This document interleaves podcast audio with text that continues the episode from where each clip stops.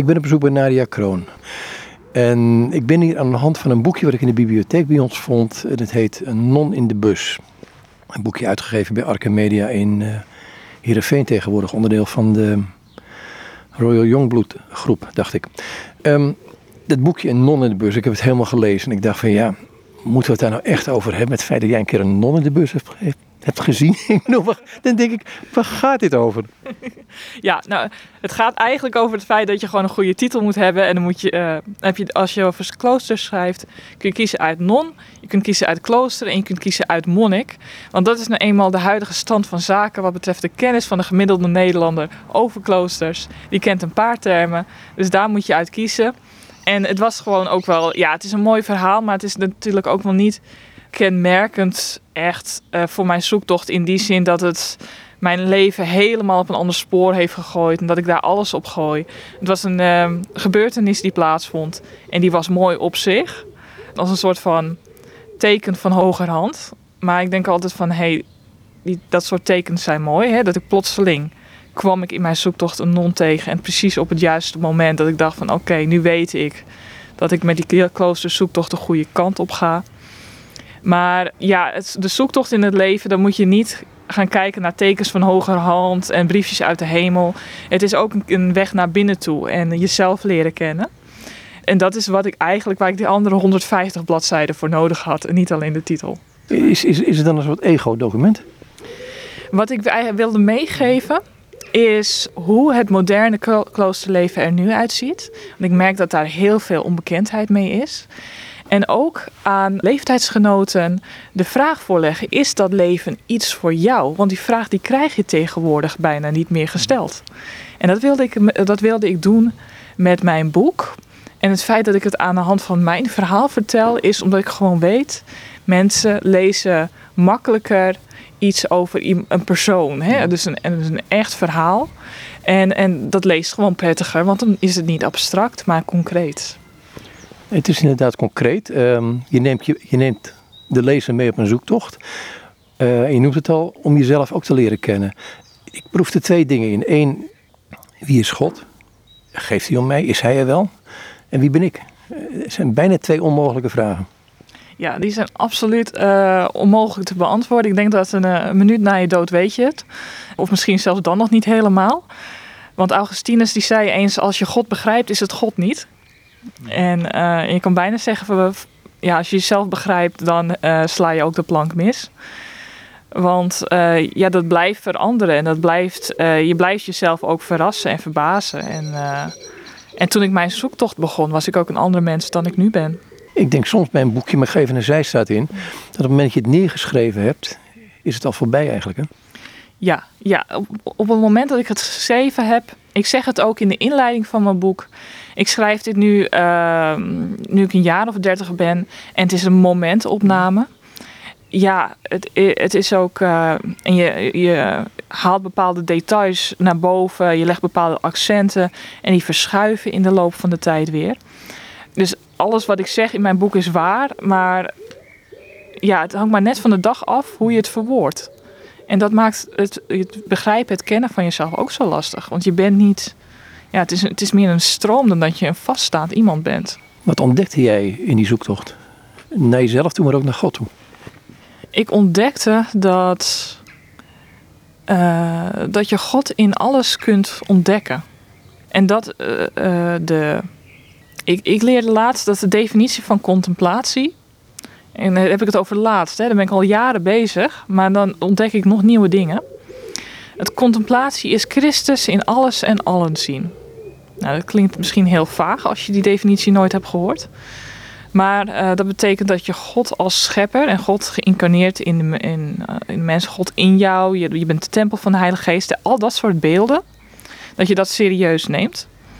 En ja, wat ik ontdekte was dat dat ook zo is. Dus ik beschreef mijn zoektocht in het leven en uh, mijn zoektocht in het kloosterleven. En ik dacht, ja, wauw, ja, op al, die op al die plaatsen was God daar. En heb ik iets van God mogen ervaren. Ben ik gegroeid. En het past ook zo in elkaar dat ik denk, ja, dit had zo moeten lopen. Dit is niet, dit is niet allemaal toevallig gegaan. Voor jou geldt dit. Um, hoe ontdek je God? Of hoe ontdekt hij jou? Ja, dat is wel een heel lastige vraag. En ik denk niet dat ik daar zelf al helemaal uit ben. Hoe je God ontdekt. Ik denk dat het je toevalt. Ik denk dat je ervoor kunt kiezen het te negeren of te missen. Door er niet voor open te staan. En dat je dus ook voor kunt kiezen om er wel voor open te staan. Ik denk dat je die vrije wil heb je. Uh, maar het kennen van God uh, is iets wat, ja, wat je als geschenk toevalt. En gelukkig, geloof, ik geloof tenminste dat God een liefdevolle God is die een relatie met ons wil. Dus dat dat ook wel gebeurt, dat God zich laat zien. Maar telkens aan ons de vraag van wil je daarvoor openstaan?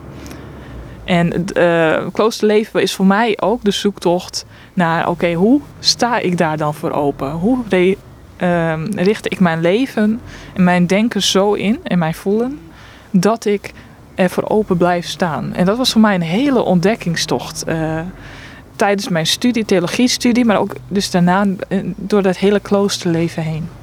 Want waar liggen de barrières dan? De barrières kunnen voor veel mensen op, op andere plekken liggen. Dus uh, wat je voornamelijk ziet in onze cultuur, is dat de barrière ligt in, het, uh, in drukte en lawaai. En dat, uh, dat we zo onze gedachten bezighouden met allerlei andere zaken en onze zintuigen helemaal in beslag laten nemen. Dat er niet dat die stille, rustige openheid ontstaat om God te ontdekken in jezelf of in de ander. Hè? In de ander kan ook. Maar je weet als je echt een diepgaand gesprek met de ander wil, waarbij je voelt, ik kom op een diepere laag, dan heb je ook een bepaalde rust en stilte nodig. En dat is precies die laag waarop je open staat voor God. De vraag was nou in jou gericht. Wat waren de barrières bij jou? Barrières bij mij, ja, toch ook wel het altijd bezig zijn. Ja, we, zijn, we horen ook de bezigheid buiten ons. Er staat een vuilniswagen, want er zit er buiten in de tuin bij jou. Um, er staat een vuilniswagen, de vuilnisbakken of de kliko's te legen. Dus dat is het lawaai op de achtergrond. Die zijn ook bezig. Maar goed, dan ga jij verder. Ja, dat is trouwens wel een leuk verhaal. Want ik heb um, stilte meditaties georganiseerd in de Grote of Sint-Bavelkerk in Haarlem. En dat was om 9 uur s ochtends op maandagochtend. En zeker in het begin moesten echt speciale afspraken maken met het, met het vuilnisophaalbedrijf.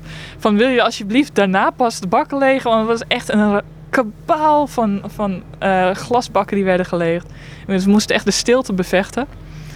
Maar goed, ja, uh, voor mij is het ook hè, het altijd bezig willen zijn. Uh, je bent natuurlijk continu in contact met mensen via WhatsApp, via mailtjes. Ik denk altijd, ik moet dat moet gelijk antwoorden of zo. Mm-hmm. Het is natuurlijk niet zo, maar ja, goed, dat doe je dan. Ja, en, en ook, ehm, ja, wat is nog meer? Uh, ja, het is wel een lastige vraag. Dan moet ik echt even diep in mezelf duiken. Zat er ook het, wat ik wel in het boekje proef, en misschien een voorzetje geven, zat er ook het, het iets willen doen voor God, het, het, moeten presteren, het zo nodig. Hè? Ja, absoluut. Dus inderdaad, in het verlengde van dat, dat druk zijn, is het, uh, daaronder ligt dan eigenlijk uh, dat idee van je, je moet presteren. Je moet iets betekenen voor God, of voor het koninkrijk, of. Uh, uh, dus zodra je dan gaat mediteren, dan denk je alweer van, oh gaat het, wel, gaat het mediteren wel goed? Hoe doe ik het? Doe ik het wel goed genoeg? En na afloop denk je van, oh, hoe beoordeel ik het? Elk gesprek dat je met iemand hebt, denk je van, oh heb ik, heb ik wel de juiste dingen gezegd? En ook naar God toe. Van, ja, je hebt toch altijd het idee van ik, ik moet toch wel iets voor God betekend hebben. Ik moet wel iets met mijn leven gedaan hebben als ik zo meteen bij die uh, uh, gouden poorten kom. En je moet het wel ook verstandig omgaan met je talenten en ze gebruiken. En, en er zit allemaal een kiem van waarheid in en dat maakt het ook zo lastig. Maar het is niet de essentie van wat God, van de relatie die God met ons wil. Dus hij geeft ons talenten om door ons werken en door onze activiteiten eh, ja, te groeien in liefde en geloof en relaties. Maar al heel snel denken we, oh, we moeten die activiteiten doen om gewaardeerd te worden voor God. Of, of gewaardeerd te worden door onze medemensen. En, uh, en dan draaien we eigenlijk de zaak helemaal om. En dat doe ik dus, dat doe ik dus ook. En dat is een heel sterke, ja, het zijn heel sterke gedachten die nog altijd in mijn leven natuurlijk. Dat, dat laat je nooit helemaal los. Van ik moet ja, toch iets voor God betekenen, wil hij enigszins überhaupt interesse in me hebben. Ja, kun je het verder uitleggen? Misschien kun je het ook uitleggen tegen de achtergrond van ehm, het protestantisme, het gereformeerde Calvinisme, waar, waar dat doen nogal erg belangrijk kan zijn. Hè? Ja, het, ehm, het is een beetje ook doorgecijpeld in het. Ehm, ja, ik, ik, weet niet of het specifiek gereformeerd is, maar in ieder geval is het in de gereformeerde kerk waar ik uitkom. Ik zie het ook wel in andere stromingen. Dat ja, op een gegeven moment, we wisten wel van hé, hey, we hebben gezondigd, God heeft ons verlost. Oké, dat, dat verhaal weten we. En, uh, en dan? Hè? Want het, het, het idee van ja, die goede werken, goede werken doen om je verlossing, dat was verdacht, want dat was katholiek. Dus dat deed je niet. Maar wat moet je dan met die goede werken? Waar komen die dan? En toen bedacht de reformatoren van oké, dat doe je dan als dankbaarheid voor je verlossing. Maar er zit verder geen enkele. Mm, het, is niet verplicht, het hoeft niet enzovoort. Nou, op zich geen problematisch standpunt. Dat je dat als dankbaarheid voor God doet, maar je hoeft het niet te doen. Alleen, en daar hadden ze ook zo'n mooie drieslag voor: ellende, verlossing, dankbaarheid. Alleen dat dankbaarheid, dat begon synoniem te staan aan goede werken doen. Dus zodra je verlost was, en je ging er maar vanuit dat je dat was vanaf je doop, of tenminste je beleidenis of bekering, had je alleen nog maar het doen van die goede werken. En dat, ik heb het idee, ook onder invloed van de samenleving gewoon, hè, we zijn ook kinderen van onze tijd, dat, dat, dat die hele dankbaarheid, ja, dat, daar konden we niet zoveel meer mee. En het werd eigenlijk gewoon goede werken doen. Dus zodra je christ, als je christen bent, dan doe je van alles in de kerk en dan, maak je, dan ren je helemaal rot voor goede doelen en wat dan ook. Allemaal goede dingen. Maar werken, werken, werken, werken. En ik dacht, volgens mij missen we iets, maar wat missen we dan? En in mijn boek schrijf ik dan, volgens mij moeten we toen naar een nieuwe drieslag. Als je überhaupt al een drieslag wil hebben. In ieder geval moeten we toe naar een andere opvatting van het woord dankbaarheid. En ik, ik stel dan voor van oké, als dankbaarheid niet werkt als woord, laten we dan relatie noemen. Want dat is waarom we verlost zijn. Dat is het gewoon relatie. En wij weten wat relatie is. Dit kan iedereen zich voorstellen. In een relatie, als je getrouwd bent, dan ben je niet 24-7 bezig met uh, het huis schoonmaken en uh, de, vuilnis buiten zetten enzovoort. En dan, dan verwachten dat, dat je een romantische, goede relatie met je echtgenoot hebt door dat soort taakjes te doen. Dat, dat is onzin. Dan weet je van hey, het gaat om de aandacht en de rust en de openheid die je geeft aan de ander en de liefde die je toont, ook rechtstreeks. Dus er komen heel andere aspecten uh, komen dan naar boven. En dankbaarheid is daar een onderdeel van, een heel belangrijk onderdeel, ook naar God toe. Nou, laten we, laten het weer op die relatie gooien. Ja. Als je dat zo, eh, de gedachte die bij mij kwam toen je dat zo vertelde, was van oké, okay, uh, eh, ik ben dankbaar, dan ga je allerlei dingen doen. Raakt hij Jezus heel langzaam uit beeld? Ja, ja, dan raakt Jezus echt uit beeld. En dat voer ik zelf ook. Ik merkte dat uh, ook tijdens mijn theologiestudie dat als ik in de praktijk aan de slag ging in de kerk, dat ik dan uh, heel druk was met het organiseren van allerlei activiteiten. En ik weet nog dat me één keer gevraagd werd. We hadden één les over stilte in de, vierjarige opleiding, één les. En we moesten twintig minuten in een uh, kerk zitten. En dat was zo'n gereformeerde preekschuur. Dus kaal baksteen en uh, niets om naar te kijken misschien ook wel goed. Maar uh, twintig minuten moesten we daar zitten. En ik vond het zo'n ontzettende onzin. Want ik had nog zoveel huiswerk te doen. En wat is dat voor zweverig gedoe? Twintig minuten gewoon alleen in stilte zitten. Hoe bedenken ze het? Dus ik ging heel opstandig. Ging ik gewoon al die bakstenen zitten te tellen. En uh, ik weet niet, volgens mij kwam ik bij 324 of zo. Nou ja, bakstenen heb je altijd wel in een gereformeerde preekschuur. Dus daar heb je wat te doen. Maar ja, nee, ik was zo opstandig. En jaren later pas, toen ik kennis had gemaakt met het kloosterleven, dacht ik van, en contemplatie en hoe je stil kunt zijn. Ik was wat, wat, wat erg. Wat erg dat, dat, dat ik niet, dat ik zoveel deed, maar niet eens 20 minuten alleen kon zijn met, met Jezus. Dat ik niet eens 20 minuten eh, met hem in dezelfde ruimte kon verkeren en, en, en gewoon bij hem kon zitten. En wat, wat, wat is dat voor relatie? Ja, dat, dat kwam wel even heel diep binnen. Maar dan begrijp ik uh, dat de herrie dus van binnen zat. En behoorlijk van binnen zat. Ja, de herrie zit binnen. Ja. En uh, de herrie is de eisen die we aan onszelf stellen. En mm, de veronderstelling dat wat de samenleving als idealen ziet en van ons eist, dat dat hetzelfde is als wat God van ons eist. Dan zijn we bij de BAVO terug. Als ik dit zo hoor, die vuilnismannen, die komen maar terug. Ja, ze komen maar terug. Ze ondersteunen ons verhaal uh, heel goed. Maar goed, in deze herrie kun je ook stil zijn natuurlijk. Ja, in deze herrie kun je ook stil zijn. Ik moet zeggen, mij als beginneling, in, ja, voor mij is het wel makkelijker als ik ergens uh, ver weg op het platteland zit. Nee, ook hier kan het. En uh, het gaat er dus, het gaat er namelijk niet om is het zo stil mogelijk. Het gaat erom, ben je zo open mogelijk voor Christus in dit moment? De aanwezigheid van God in dit moment. Dus het kan ook met uh, lawaai om je heen.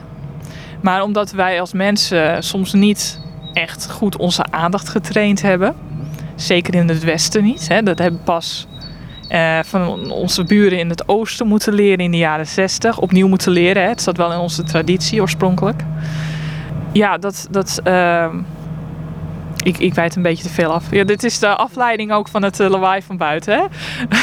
dacht, wil het maar opgooien. Dus het gaat niet per se om de stilte. Het gaat om de aandacht. Maar stilte is handig, omdat dan je aandacht door minder zaken wordt getrokken. Dus het is puur uh, instrumenteel eigenlijk. Maar is de stilte dan een, een, Het is geen doel op zich, zeg je, hoor ik je zeggen. Um, wat het verschil met die stilte en wat gebeurt er in die stilte met je en de vrede Gods die, die ons, ons hart kan vervullen. Uh. Vrede Gods en de stilte. Wat ik persoonlijk merk, ik heb er nog geen theorieën over, dus ik ga vanuit mijn uh, eigen ervaring nu. Is dat wanneer ik stil ben en wanneer het stil wordt in mijzelf, dat die vrede als het ware naar binnen vloeit. Dus het, blijkbaar was die er altijd al, maar hoeft er alleen maar een barrière innerlijk te worden weggenomen. En dat is vaak wat we noemen met stilte, dat die barrière in jezelf wegneemt. Om open te staan voor die vrede die, die altijd al om je heen is en die maar gewoon naar binnen wil vloeien. Maar ja, je werpt zelf barrières ook op. En, uh, en dan komt er ook zo'n punt uh, dat alles. Ja, ik, ik kan het bijna niet beschrijven, maar het is een punt van zo, zulke eenvoud, vrede, rust. Alsof je ook maar als je maar één beweging maakt, lijkt, lijkt, je, ja, kan je het misschien al verstoren. Dus je, je durft bijna niet te bewegen, zo fragiel is het. Maar dat is het punt waarop je zo ontzettend nabij voelt uh, God ons zo ontzettend nabij voelt. Bijna, bij, bijna één, weet je wel. Ja, het vat, is lastig in woorden te vatten. Maar dat, dat is voor mij echt de absolute vrede. En dan kan de tijd, ja, de tijd vergeet je dan. En die, die, de klok tikt verder, maar je kan zo rustig 10, 20, 30 minuten daar zitten. Um, als je dat gevoel vasthoudt en alles waar je over piekert valt weg. Alles waar je zorgen over maakt, omdat je weet, hé, hey, God is er en het is goed en het komt goed. En, en dat is zo'n fantastisch, geweldig gevoel. En ik denk van ja, als dit hemel is, uh, ik teken me in. Maar goed, die, die ervaart dat. Je kunt het niet vasthouden, denk ik. Maar goed, dat is een andere gedachte. Um, je een relatie met iemand van wie je houdt en aan wie ja, ik, ik, gebruik het woord, maar waar overgave belangrijk is. Ja, overgave is heel belangrijk. Zodra je dat moment gaat vastpakken, van ik wil het zo lang mogelijk behouden, dan is het weg. En uh, komt het ook niet meer. Uh, ja, je kunt het niet grijpen. Het is, het is alleen een geschenk. En dat heb ik ook moeten leren. Ik wil alles grijpen. Ik wil alles doen. Ik wil alles onder controle houden. Ehm, van mijn agenda tot God. En eh, ja, God zegt van nee, nee, dat, dat, zo werkt dat niet. Nee. Maar betekent dat je, dat je, dat je eigenlijk niet alleen los moet laten. Hè? Want we zeggen heel makkelijk van je zonden zijn vergeven, die moet je beleiden. Maar het zijn ook soms de goede dingen, de, de hele goede dingen die je ook moet loslaten. De goede dingen die je ook moet loslaten, ja. ja. Een stille tuin, dit, hè? daar gaat er weer een vliegtuigje overheen. Het is, het is een fantastisch oord dit, hè? Ja, ja, ja. Ja, nee, ik vond het een uh, geweldig idee dat buiten zitten. Maar ja, het is wel uh, vol lawaai. En ja, dat is de realiteit voor veel mensen. Hè? Zodra je in je tuin gaat zitten, uh, begint de herrie. Maar goede dingen moet je inderdaad ook loslaten. Ik, het, dat is ook het kloosterleven. En dat was voor mij ook de worsteling. Uh, dat je vereenvoudigt in je leven. En dat je dus ook dingen loslaat die van zichzelf goed zijn. Gewoon omdat je als mens maar een beperkte hoeveelheid energie hebt. 24 uur in een dag. En je kan niet alles. Dus ik krijg heel vaak de vraag van... oh, als je het klooster ingaat, mag je dan dit niet? Mag je dan dat niet? Bijvoorbeeld geen relatie, hè? of geen tv, of geen dit... of mag je dan naar buiten toe, of mag je dan dit niet of dat? Daar gaat het niet om. Het gaat om een groep mensen die op een gegeven moment hebben ontdekt... ja, ik kan al die goede dingen doen. Hè? Zeker in onze samenleving waar we zo kansrijk zijn en zoveel uh, kunnen ik kan al die goede dingen doen, maar ik merk dat ik helemaal uit elkaar getrokken word. En monastiek leven, kloosterleven, is zeggen, erkennen, ik kan niet alles wat deze wereld te bieden heeft. Dus ik kijk naar wie ik ben, ik kijk naar hoe God mij roept. En ik kies radicaal voor die weg. En al het andere, nou ja, misschien gaat het in andere vorm verder. Maar dat valt vanzelf meestal wel weg. Omdat het niet. Ja, dat is niet wat je. wat tot de essentie van jouw leven behoort.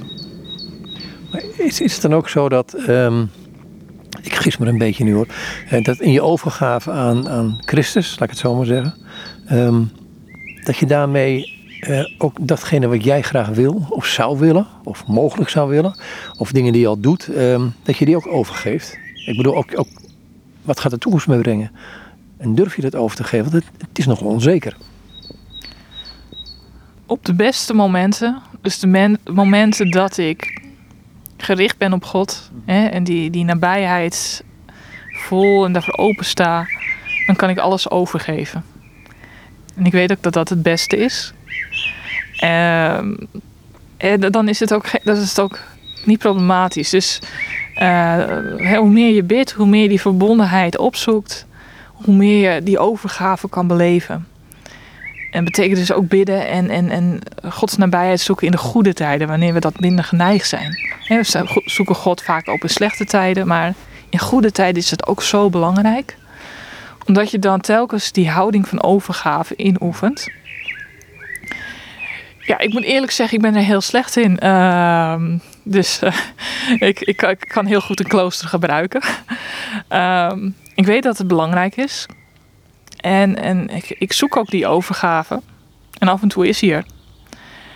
En uh, dat, ja, maar overgave aan God is heel belangrijk. En ik merk ook als ik terugkijk op mijn leven, nu al, dat uh, al het belangrijke, alle belangrijke wendingen in mijn leven, alle belangrijke uh, gebeurtenissen, dat die mij gegeven zijn.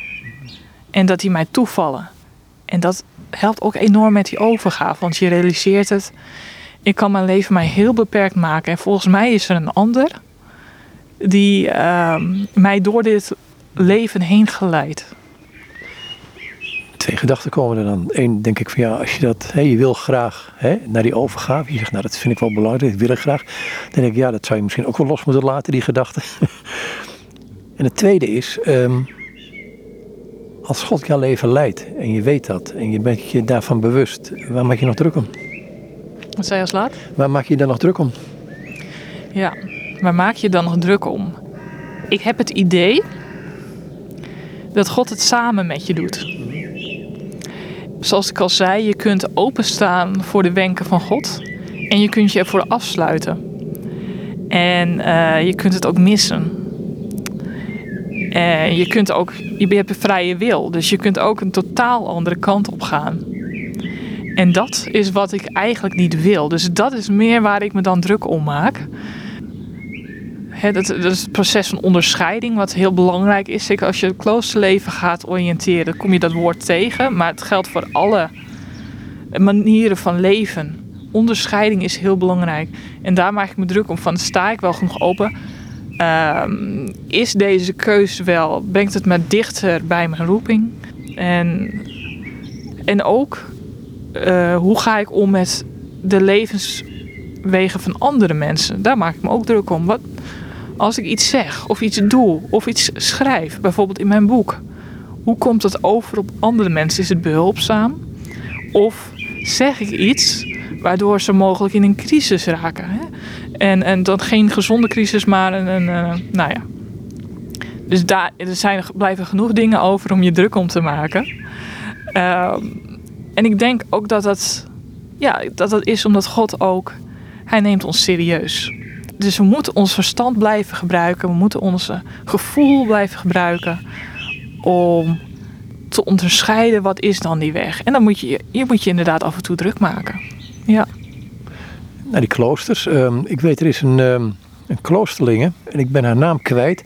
Uh, Therese van Avila is in haar armen gestorven. Uh, het is, ze heeft in Antwerpen ook gewoond, deze dame. En die zei op een gegeven moment haar zijn roeping om het klooster in te gaan. Daar was helemaal vervuld van. Hè. Dat proef ik in jouw boek ook van prachtig, dan ga ik het beleven. En een paar dagen had ze zoiets van, dat schreef ze ook in een gedicht of in een gebed van... U heeft me gewoon in de maning genomen. ja, um, ja, het is inderdaad. Uh, op een gegeven moment moet je van die roze wolk afkomen. En al kloosterleven is niet voortdurend voelen dat je leeft van die overgave en dat die vertrouwvolle nabijheid. En je merkt ook, je leest ook in de verhalen van mensen als uh, Avila en andere heiligen die, die, die, die wij op een voetstuk plaatsen, dat ze ook gewoon ontzettend veel aan hun hoofd hadden en ontzettend veel. Uh, het is niet voor niks dat ze zo vaak schrijven over.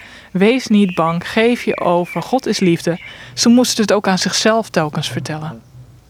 Is dat wat jij steeds doet? Dat doe je in dit boekje ook in wezen. Dat je steeds in jezelf vertelt van, oh help, uh, wat gebeurt hier? Want je merkt dat kloosterlingen ook hele gewone mensen zijn die het hartstikke druk hebben. Uh, met van alles en nog wat in zich druk maken om een heleboel dingen. Dus uh, het is niet zoveel anders dan het gewone christelijke leven buiten het klooster. Of gewoon in een gezin of, of gewoon in een baan. Ja, ja. Um, misschien is het grootste verschil nog dat je telkens uh, die ongemakkelijke grens opzoekt van, uh, of die discrepantie eigenlijk van het ideaal en het, in het dagelijks leven. Dus je hebt altijd die getijdengebeden waarin je zingt over de vrede en over de overgave van God, de voorzienigheid van God.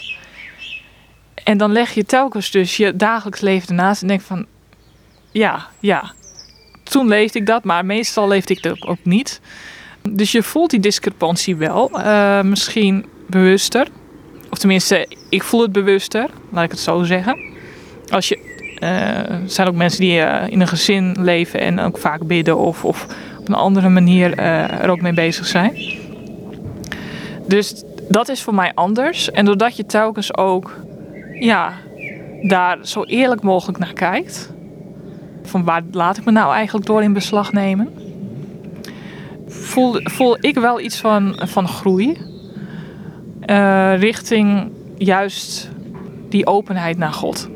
Dus het is zeker.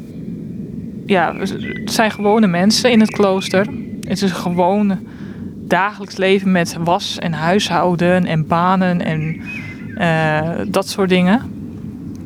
Maar door telkens ook door je gemeenschap aangemoedigd te worden om toch die relatie met God in het oog te houden, zijpelt dat echt door en gaat het echt je gedachten en je gevoelens beïnvloeden.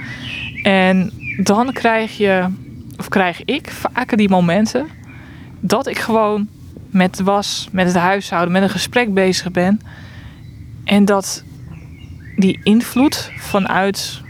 Dat ik met andere ogen ga kijken. Dat, dat je Christus opeens in die ander ziet. En, en dat is zo'n mooi moment. En daar wil ik in groeien. Daar wil ik steeds verder verdiepen. En ik zei al, volmaakt wordt het pas een, een minuut na je dood. Ga, ga je het klooster? Je, in verschillende, je bent zelfs ingetreden geweest een tijdje. Dacht ik bij de Augustines, als ik het goed heb.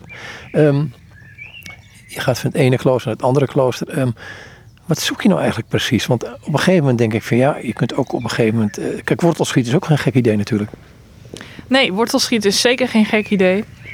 Ik denk dat uh, ik ook in zoveel kloosters ben geweest, omdat ik totaal niets van kloosters afwist.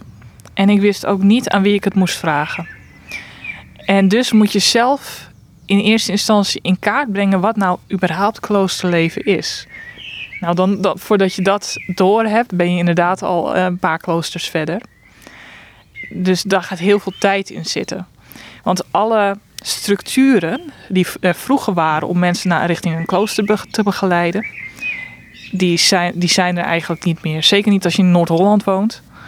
Misschien dat ze nog ergens in, in, in, Brabant of Limburg zijn, dat weet ik niet. Dus er zijn ook heel veel mensen, heel veel leeftijdsgenoten, die uh, dat soort enorme reizen hebben gemaakt langs verschillende kloosters. En voor mij was het niet altijd prettig. Want ik ben ook iemand die gewoon graag weet waar ze aan toe is. En uh, gewoon kiezen, huppatee, uh, we gaan ervoor. En helderheid. En ik wil gewoon ook mijn toekomst vast hebben liggen. Dat vind ik, dat, dat is mijn, past bij mijn persoonlijkheid. Dus het was voor mij ook een oefening in overgave en vertrouwen. En ja, maar ook af en toe enorm frustrerend. En toen ik uiteindelijk Casella vond, het klooster waar ik ben ingetreden, toen heb ik ook enorm snel de keuze gemaakt. Want ik dacht, oh eindelijk, dit is het. Rats, ik ga ervoor. Dus ik ben, uh, ik heb denk een paar keer kort meegeleefd en toen heb ik al de keuze gemaakt. Uh, ja, want ik, ik, wil, ik wilde ook, ik, ik, ik wilde graag die duidelijkheid. En uh, toen was ik al vier jaar aan het zoeken en ik dacht, ik vind het wel mooi geweest. Ja, maar ik was ook behoorlijk verliefd op dat klooster, dus ja, het voelde ook goed. Ja, dat, dat heet de honeymoon-periode. De eerste het is al heel mooi, dan komt een hele vervelende periode. En dan gaat het stabiliseren, zegt men. Uh, maar goed, even los daarvan. Uh, je zegt, het is enorm frustrerend geweest. Ik ben op zoek gegaan, ben een aantal jaar op zoek. Uh, maar kun je, je kunt toch ook gewoon christen zijn hier in, deze, in, in, in het gewone, hè, als ik in de celbediening in de, in de rij of gewoon in het dagdagelijks, dagdagelijks leven. Waarom nog een klooster? Je hebt er al wat over gezegd, maar het gaat mij even om de essentie van hoe kan ik Jezus leren kennen? Ik vraag me soms af of ik daar een klooster voor nodig heb. Ik ben in kloosters geweest en ik dacht van nou, beslist niet.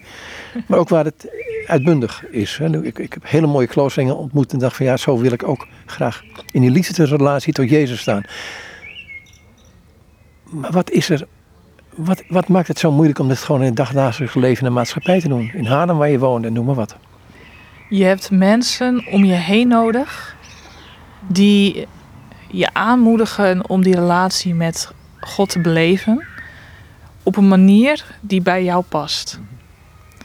En dat kan op heel veel verschillende manieren, maar dat is wat je nodig hebt. Dus je hebt geen, niet per se een klooster nodig, je hebt ook niet per se een gezin nodig. Je hebt ook niet per se een baan nodig of een kerk. Het klinkt dus heel gek als ik dat zeg. Maar om het zonder te doen. Dus door in je eentje vanaf je geboorte in volledig isolement te gaan zitten en dan te bedenken van oké, ik kan zo het beste God vinden. Ik denk niet dat mensen zo gemaakt zijn. Dus je hebt dus een zoektocht naar het kloosterleven en het kloosterleven zelf wordt ondernomen door mensen die denken: hé, hey, in deze context word ik het meest gesteund om God te zoeken op de manier die bij mij past. Dus ja, uh, en vandaar ook dat je in kloosters kunt komen waar mensen helemaal opbloeien en jij denkt van nou van mijn leven niet. Net zoals je bij sommige gezinnen kunt komen en je ziet het echtpaar en je denkt van nou ik weet niet hoe die elkaar hebben gevonden, maar uh, van mijn leven niet hè. En die hebben het goed met elkaar. Dus uh, ja, daar kun, je, daar kun je niks over zeggen. Ja, en voor mij is het deze weg. Daar voeg ik aan toe. Er zijn natuurlijk uh, contexten, omgevingen relaties die jou meer helpen om God te bereiken en relaties die dat minder doen of contexten. Dus daarom zeg ik ook van je hebt wel weer een kerk nodig of eh, een geloofsgemeenschap of, eh, of een klooster, omdat die erop gericht zijn om je dichter bij God te brengen. En eh, dus het is niet om het even waar je zit, maar als mens heb je het wel nodig. Maar het is dan belangrijk, zeg je, om de focus op God te hebben, de focus ook goed te hebben in eh, die gemeenschap waar je bent. Het kan een bijbelstudie zijn, kan een kerk zijn, kan een klooster zijn. Ehm, om op Christus gericht te zijn. Ehm, en daar mensen bij te hebben die daarin stimuleren. Ja. Helpt het bijbellezen daarbij? Of, of gewoon het bidden samen? Want ik, ik merk dat dat soort dingen ook makkelijk wegcijpelen uit het leven. Ja, enorm. Ja, oh, dat, dat zijpelt zo makkelijk weg. En eh, wat, dat, wat betreft zijn de kloosters ook ideale plekken hoor. Want dat bijbellezen en dat bidden is er zo, ehm, dat, ja, zo mee verweven. Dat juist die zaken de aandacht krijgen en dat je daar ook toe gemotiveerd blijft. En dat anderen je ook bij de les houden. Want het probleem is met bidden en bijbellezen, dat is relatie. En het klinkt gek als ik dat zeg als probleem. Maar dat is dus geen prestatie. En prestatie, dat kun je afvinken. En dat, dan heb je het idee, ik heb wat gedaan en ik maak vooruitgang. Een relatie kun je niet afvinken. Dat is gewoon er zijn. Je krijgt geen beloning, behalve misschien af en toe een heel, ja... eh, soms heb je dat heel fijne gevoel van verbondenheid met God. Dat je, dat je precies weet, daar deed ik het voor. Maar dat soms ook niet. Maar daar gaat het ook niet om. Het gaat niet om eh, een fijn gevoel krijgen. Het gaat om de relatie en bij elkaar zijn. En kloosters zijn bij uitstek echte plaatsen waar je dat in je dagelijks leven opnieuw en opnieuw blijft doen. Die relatie voeden, opnieuw en opnieuw. En eh, zonder dat je denkt van ik moet iets afvinken. En dat is ook de uitdaging, ook voor kloosters in deze tijd, maar ook voor kerken. Hoe zorgen we ervoor dat we dat voor ogen houden? Dat we ja, eh, mensen telkens die relatie laten opzoeken, ook al schreeuwt alles in onze, ons wezen eh, om prestaties die wij kunnen afvinken en activiteiten doen en dingen presteren. En, eh, en daarom wil ik ook, ook daarom wil ik me verdiepen in het kloosterleven. Niet alleen omdat het voor mezelf goed is, maar ook omdat ik denk van ja, dat is ook de boodschap voor mensen en christenen in deze tijd die relaties centraal houden. Hoe lastig dat ook is. Ja, het is lastig. Dat zeg je goed. Ja. ja, het is echt lastig. En ik merk ook een verschil tussen wanneer ik in kloosters leef en nu, ehm, eh, nu ik thuis leef. En dat, eh, dus ik ben dan uitgetreden bij eh, de Augustinessen. Op zoek naar een klooster waar ik nog meer hè, dat relationele aspect voor mij kon vormgeven. En ik had verwacht, nou ja, een vrij snelle overstap te maken. Ehm, toen kwam corona en, en toen bleek dat ik toch wat langer op mezelf zou wonen. En dat. Ja, en ik merk, in het begin gaat het wel, nou, die getijdengebeden wel vol. En, ehm, en je kijkt naar de kerkdiensten en langzaamaan uh, zijpelt dat weg. En dan heb je weer een opleving. Hè, dan denk je van, oh ja, het moet weer. Moet weer, kun je, hoor je het al. En, ehm, en dan, uh, dan zijpelt het weer weg. En ja, ik bedoel, zodra ik in een klooster ben of in een kerk ben, dan gaat het wel. Maar in mijn eentje thuis, om daar de rust voor te vinden en, en uh, oh, ik vind het lastig. Ja, en ik, ik hou ontzettend veel van God, absoluut. En ik wil heel graag bij hem zijn en daar gaat het niet om. Maar ja, iets in mij weerhoudt mij er ook van. Dus het is zoveel makkelijker als je gewoon een groep mensen om je heen hebt die zeggen van ja, acht uur, nu gaan we bidden. En dan ga je gewoon en dan komt het wel. Ja, heerlijk. Ja, dat is heerlijk aan kloosterleven. Het is gewoon ontzettend fijn. Ik dacht discipline daar zo, of discipline wel een belangrijke gaaf is dan hè? Ja, discipline inderdaad. Maar het is inderdaad ook een enorme opluchting eigenlijk, die discipline vaak. Omdat als je jezelf de hele tijd moet motiveren. Denk aan bijvoorbeeld in coronaperiode thuiswerken. In plaats van op kantoor zitten. Kantoor moet je wel. En als je thuis zit, dan denk je echt... Ja, nee, ik moet nu echt wat gaan doen. Want eh, ja, dingen moeten af. En eh, nou, als je wat deadlines hebt, dan moet je wel. Maar op een gegeven moment, ik heb van veel mensen gehoord... Ja, je wordt zo moe van je telkens, telkens zelf moeten motiveren. Dat, uh, ja... Die, die, die discipline, dat kader, dat is ook gewoon een enorme bevrijding. Goed, er zijn teksten als van Anselmus die zegt van kom kleine mens, kom bij mij. Hij zegt God dan. En verwijl een tijdje bij mij. Hè. We zitten hier op een bank in de tuin. Zit je hier was te vervelen op die bank? Gewoon lekker in de zon? En in het besef dat God er is? Te weinig.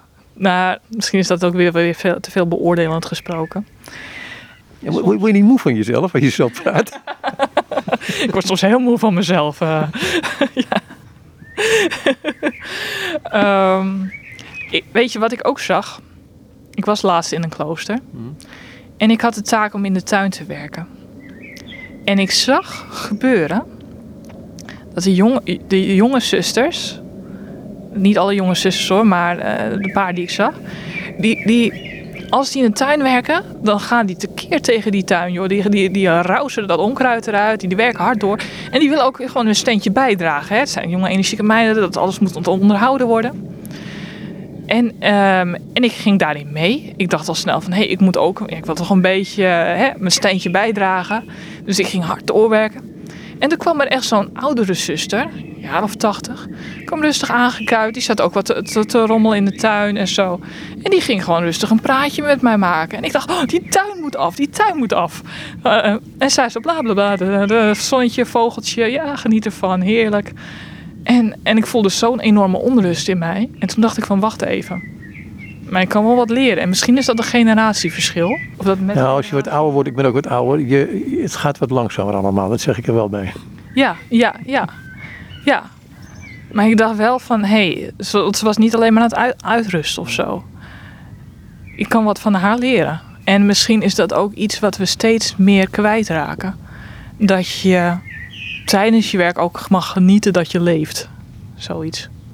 Ja, bij mij dringt de vraag zich op, of dringt de vraag zich op, komt de vraag van: is er misschien te weinig besef, of beseffen we wel, ook voor mezelf praat ik nu, dat God alle tijd voor ons heeft en alle tijd van ons wil nemen? Nou, dat vind ik wel prachtig gezegd. Ja, maar daar heb ik niet zoveel aan. Commentaar graag. ja, ja, ja. Het is een interview, oh ja. Um, ja, ik denk zeker dat, dat uh, God alle tijd voor ons heeft. Als je alleen al kijkt naar de traagheid waarmee wij als mensen dingen leren en ons ontwikkelen. En wat mij altijd helpt, is als ik in de natuur loop en een keer om me heen kijk en de rust en de tijd en de openheid heb, want het gebeurt wel gelukkig, dan uh, ik kijk altijd graag naar de bomen. En ik denk een schepper die zoiets als bomen maakt, die moet wel heel geduldig zijn. En ik denk dat dat ook een. Um, de natuur houdt ons een spiegel voor. Want technologie is snel. Maar natuur is altijd heel erg traag. Ik denk dat dat de boodschap is ook van de schepper aan hmm. ons. Dat we gemaakt zijn voor traagheid. En dat als je acht jaar bezig bent met de vraag welk klooster past bij mij, dat God daar helemaal geen moeite mee heeft en je rustig nog tien jaar verder laat doormodderen. Wij mensen willen graag snelheid, maar God Nee, nee want de grote vragen van het leven, dat zijn echt trage vragen. Zou het er kunnen zijn dat op het moment dat je het verlangen om een klooster in te gaan loslaat, dat dan het antwoord komt? Dat weet ik niet. Uh, want soms ben ik, ja, kijk, soms ben ik ermee bezig, andere keren niet. Mhm. Dus, uh, en je kunt het nooit 100% loslaten, want ja, je moet ergens over nadenken op een dag. Ja, dus dat, dat misschien. Um, ik denk wel, je moet je niet al te veel in vastgrijpen. Je moet niet geobsedeerd raken van dit is het enige wat, wat me gelukkig maakt. Dus ik, ik denk ook altijd aan, aan alternatieven. Wat als het niet gebeurt?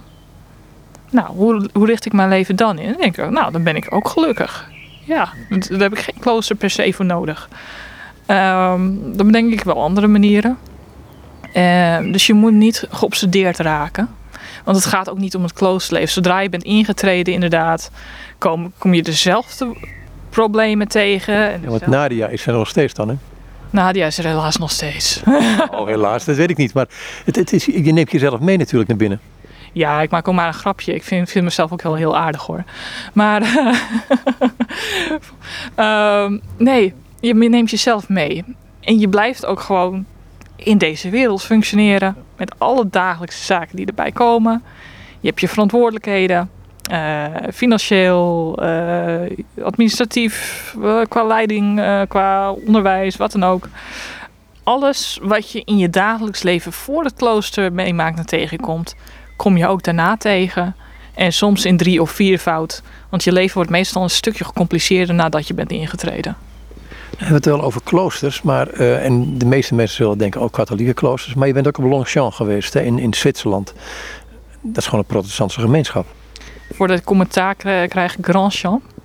Dat, eh, ja, groot veld. Ja, prachtig. Een, een protestants klooster in Zwitserland. En dat was ook wel heel erg mooi. En ik heb ook heel erg sterk overwogen om daarin te treden. Uiteindelijk kwam ik daar, eh, ja, wanneer was het? Afgelopen september. En ehm ken ze vanuit de boeken van de Nederlandse priorin, die ze toen tientallen jaren geleden hadden, eh, Minke de Vries. En die eh, combineerde dat gebedsleven met ook in de wereld erop uit zijn, mensen ontmoeten en, en werken aan de ecumene. Dat is hun ding. En dat, dat sprak mij heel erg aan. Maar toen ik daar eenmaal kwam, eh, zeiden ze van nee, we zijn de afgelopen 10, 20 jaar een andere, een beetje een andere weg ingeslagen. Wij richten ons nu vrijwel geheel op gebed en, en stilte en contemplatie.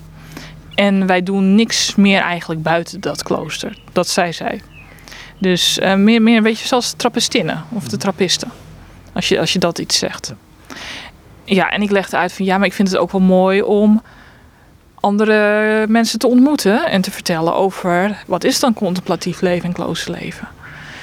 Ja, ik, ik was wel op zich open om dat verder te onderzoeken, maar die- zuster zei van nee, dan moet je niet, niet, bij ons zijn en ga maar het theologieonderwijs in of zo. Of, dus het was, was, was wel een beetje een, een teleurstelling, maar misschien ook wel goed, want ja, ik ben geen trappistin. Daarvoor eh, ehm, wil ik ook graag te veel over dat contemplatieve leven praten. Aan de andere kant, ik ben ook niet puur iemand die altijd bezig is, want het gaat mij juist om dat contemplatieve leven. Dus om dat zoeken van die relatie met God elke keer. ehm, in dat, in bijvoorbeeld stilte, in, in gebed, in jezelf. En ehm, ja, maar ik merk ook, ik zie dat het zo ontzettend verdwijnt in onze samenleving. En zo ontzettend verdwijnt van mijn leeftijdsgenoten. Dat ik ook een soort van enorme trekkracht voel om dat wel daar iets van te delen. En, en ik merk ook wat een verrijking het voor mezelf is als ik andere mensen tegenkom en hun verhalen hoor over hoe zij ermee bezig zijn. Ja, dat is. Kan ik alleen maar beamen, zeg ik. Ik heb natuurlijk heel veel interviews, maar. ehm, wat wil je nou verder precies? Want je, je, je gaat naar een Bijbelstudie, eh, begrijp ik. Ehm, dan ontmoet je ook mensen. En dan. En je geeft, eh, dacht ik, retraites, is het zo? Zeg ik gis nu? Nee, retreat is nu niet. ehm, omdat eh, met corona kan dat natuurlijk ook allemaal niet. Ik, ehm, ja, het is, het is heel gek. Ik, ik, ik help met, ik ben vrijwilliger en lid van de katholieke kerk hier in Soest. En eh, tegelijkertijd wilde ik ook gewoon als deelnemer eh, met leeftijdsgenoten ehm, een bijbelstudie doen. Dus ik ben lid van de gereformeerd vrijgemaakte bijbelstudiekring ook. En dat gaat allemaal via Zoom. Dus ja, ik, ik beweeg mij nog zoals blijkbaar eh, mijn hele leven dat, dat zo gaat. Ja, binnen verschillende groepen en op het grensvlak van verschillende kerkstromingen. Ja, blijkbaar wil God dat of doe ik het mezelf aan, ik weet het niet. Maar dat is op dit moment waar ik me mee bezig hou. Ook gewoon omdat ik het heel eh, prettig vind om, eh, en belangrijk om ook als ik alleen woon, ook in coronatijd, betrokken te zijn bij de kerk. En ja, het bloed kruipt ook waar het niet gaan kan. Ik moet met mensen over geloof praten. En ik moet het ook zelf beleven. En dan word ik ook zelf door, eh, gemotiveerd. En tegelijkertijd verlang ik ontzettend terug naar het kloosterleven. Wat is zo attractief aan Jezus? Of wat, wat, wat trek je zo aan Jezus? Want ehm, dat proef ik door het hele verhaal heen. Want door je hele, wat je zegt heen, dat het niet gaat om alleen maar kloosterleven, alleen maar in de kerk, alleen maar. Maar het is, het is bijna onmogelijk wat je wil. Ik heb een keer geprobeerd uit te leggen aan een groep niet-christelijke studenten wat je hebt aan kloosterleven. He, dus nou, dat is het over balans en stilte en zo kun je daar iets over vertellen. En dat heb ik geprobeerd en ik dacht van, ik, het, het lukt niet echt. Want dit, dit is eigenlijk allemaal, het zijn randvoorwaarden. En, en de kern, waar ik het om doe, dat is Jezus. En um, ja, wat het aantrekkelijke aan Jezus is, hij was er altijd al voor mij. En als kind en als tiener, door alle ups en downs in het leven, was hij me zo ontzettend nabij. En kon ik altijd, was echt mijn beste vriend. En is mijn beste vriend. En ja, de mens, bij de mensen van wie je houdt, wil je zoveel mogelijk zijn. Dat, dat is het. Ja. Wat voor boeken lees je op het ogenblik? Ik lees op dit moment een uh, boek met tijdschriftartikelen over Clara van Assisi. En uh, dus daar ben ik aan het bestuderen. En ik lees een boek, uh, het Lentboek. Uh, dat is 40 dagen tijdboek van de Anglikaanse kerk. Over het Onze Vader. En ik lees een ontzettend suffe roman. van uh, een fantasieboek. Uh, dus uh, ik ben gek op fantasieboeken. Van Terry Pratchett. Als je het zegt, dan weet je het. Dat is hilarisch. Maar om mij even aan te geven dat ik niet alleen serieuze boeken lees. Maar ik verdiep me nu vooral in... oh ja, ik lees de biografie van Bonaventura. Van um, Franciscus van Assisi. Ja, dus ik ben me eigenlijk nu op dit moment een beetje aan het verdiepen in Franciscus en Clara. En dan weet je gelijk, heb ik gelijk al iets een beetje verklapt over het vervolg van mijn zoektocht. Maar. Uh... ja, nee, die, die waren. Vooral Franciscus um, was nogal pertinent. Hij zegt. Um, toen, toen hij een van zijn bekeringsmomenten dan. Ik wil echt de Heer volgen, Jezus zelf volgen. En niet de Heer van deze wereld, zelfs de paus niet. Ja, ja. Ja, ik geloof dat het heel trouw is aan de paus. Maar uh, inderdaad, hij was heel, een heel goed voorbeeld. Uh, van het radicaal gaan voor één ding en dan valt de rest weg.